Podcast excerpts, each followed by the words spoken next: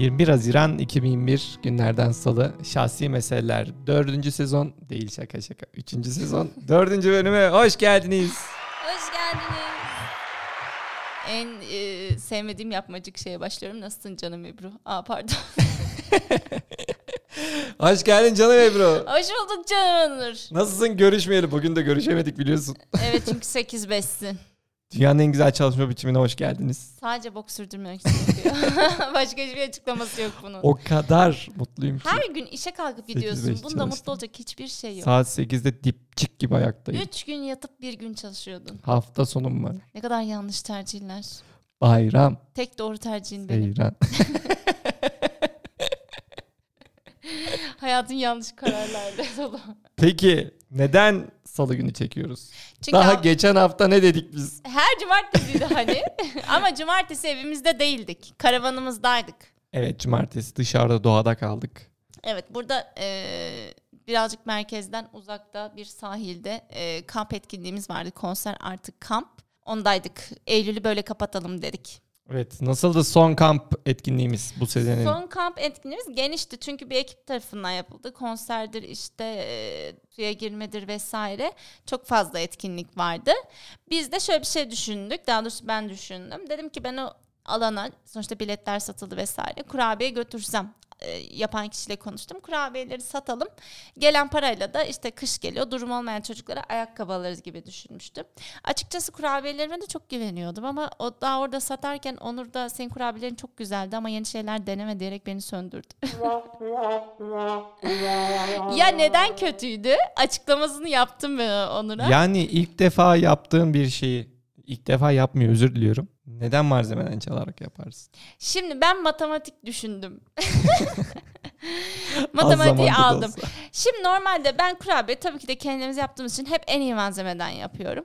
İşte cevizidir, tereyağısıdır falan en iyi kaliteli şeyler kullanıyorum. Malzemeden Ama şöyle kaçmadan. düşündüm ben 200 liraya malzeme alsam o iki, yapacağım edeceğim uğraşacağım direkt 200 liraya bağış yaparım gibi düşündüm. Hani az maliyetle çok kazanç. Esnaf kızı Ebru'da.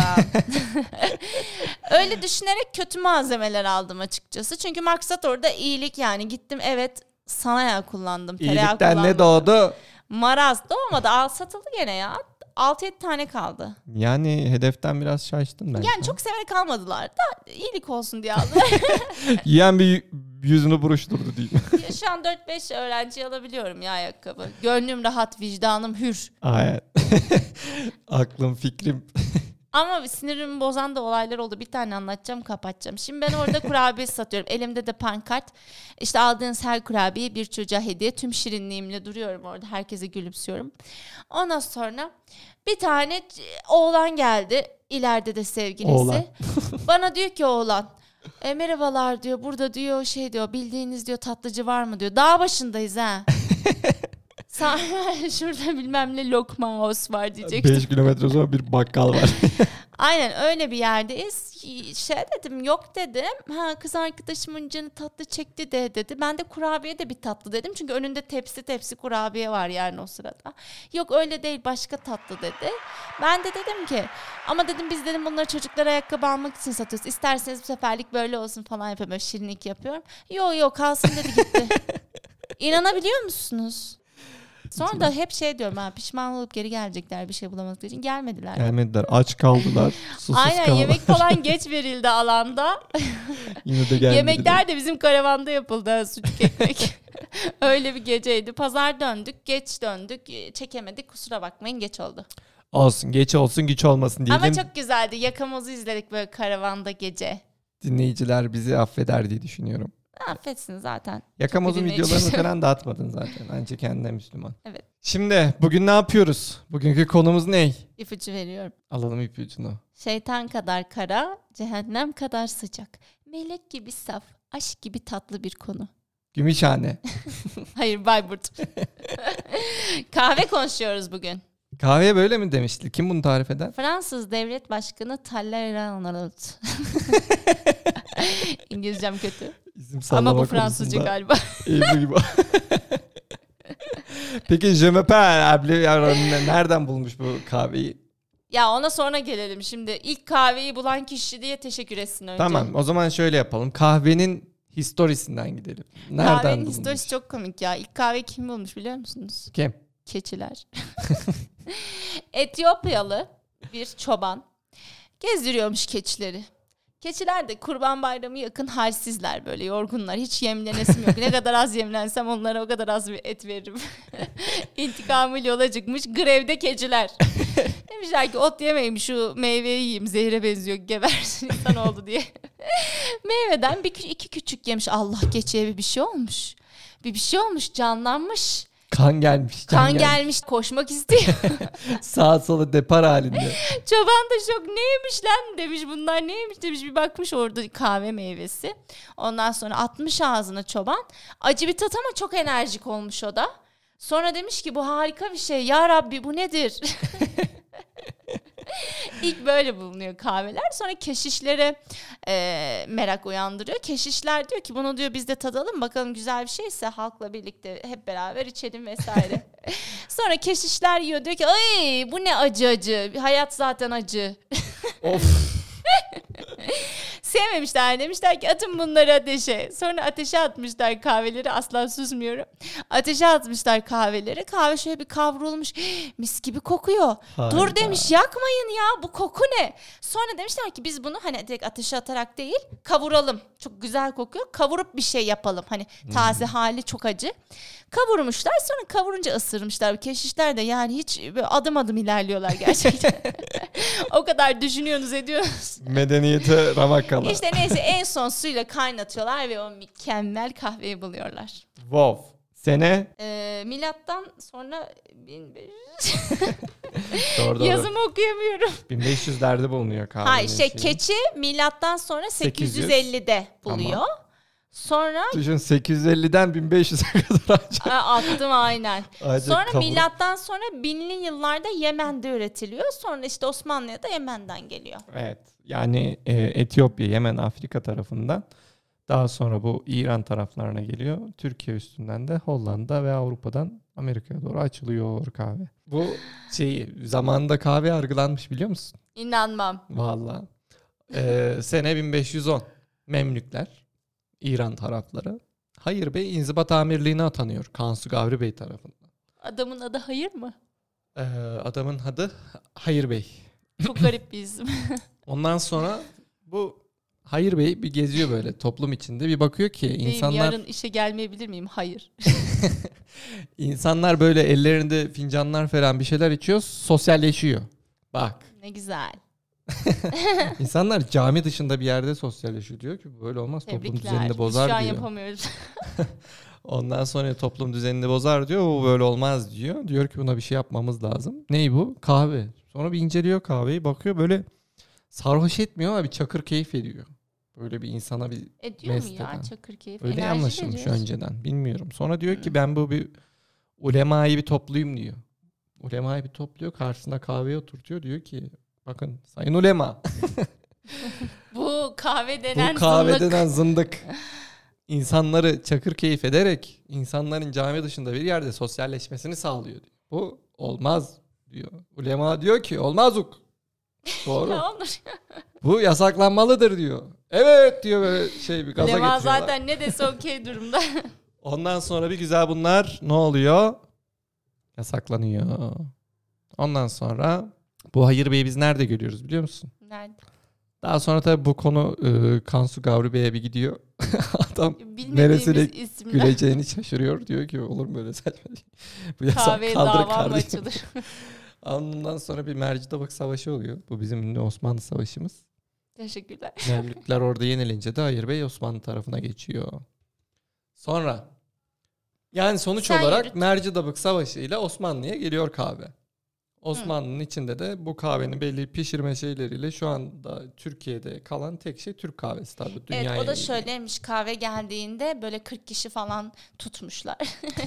Kahveyi böyle çeşitli şekillerde yapmaya çalışmışlar. Son halinde böyle toz haline getirip cezvede pişirilmiş halini çok sevmişler. İşte içine istersen şeker koy koyma.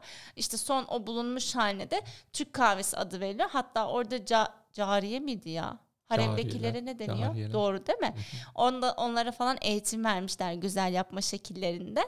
Böyle Osmanlı'da bazen önceden e, lokum direkt verilirmiş. Sonra acı kahve o tatlılığı versin diye. Sonrasında içinde şekerle falan kullanmışlar ama bayağı yaygınlaşmış ve çok sevmişler. İyi ki iyi Osmanlı'da- ki iyi ki. Kalan hali tabii ki Türk kahvesi. Hatta bir acı kahveni alırım şeyi de oradan geliyor. Neden?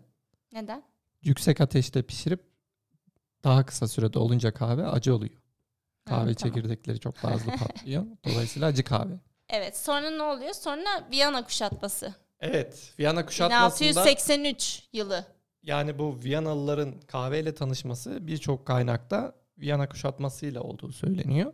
Onun da e, sebebi olarak kış aylarına denk gelince artık Osmanlı hızlı bir şekilde o kış şartlarından geri çekilmek zorunda kalınca o çuvallarla olan ağırlık yapan Evet kahveleri taşımıyorlar. Bırakıyorlar çuvalları Bırakıyorlar. değil mi? Sonra Dolayısıyla Viyana'da o Viyanalılar bir şeyler buluyor diyor ki ulan bunlar nedir?